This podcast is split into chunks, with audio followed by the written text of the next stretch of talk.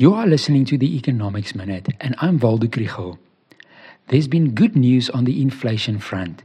In December, the consumer price inflation rate was 5.1%, and there are positive signs that it will continue to fall. This episode is supported by the NWU Business School.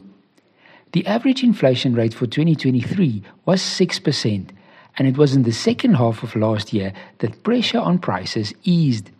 Drops in the fuel price helped, and by December, the food price inflation rate, which has been consistently higher, also started to fall. The prices of bread and cereal products, maize meal, and cooking oil fell slightly, but the prices of poultry and eggs rose. Economists also look at the core inflation rate that excludes the more volatile categories of food, non alcoholic beverages, fuel, and energy costs and it stands at 4.5%. The prices of services rose by 3.8% in December. The CPI's month on month change November to December was 0%. The Monetary Policy Committee is likely to leave the repo rate unchanged today.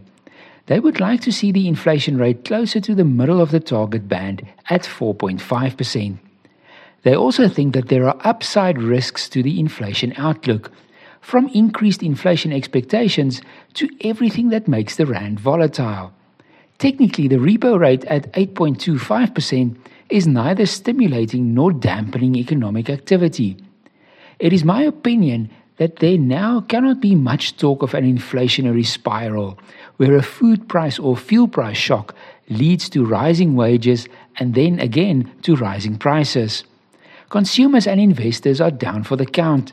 The economy is barely growing, very few jobs are being created, and real wages are falling. Methinks that if the markets receive the budget well, the policy committee should consider cutting the repo rate by 25 basis points at their next meeting in March.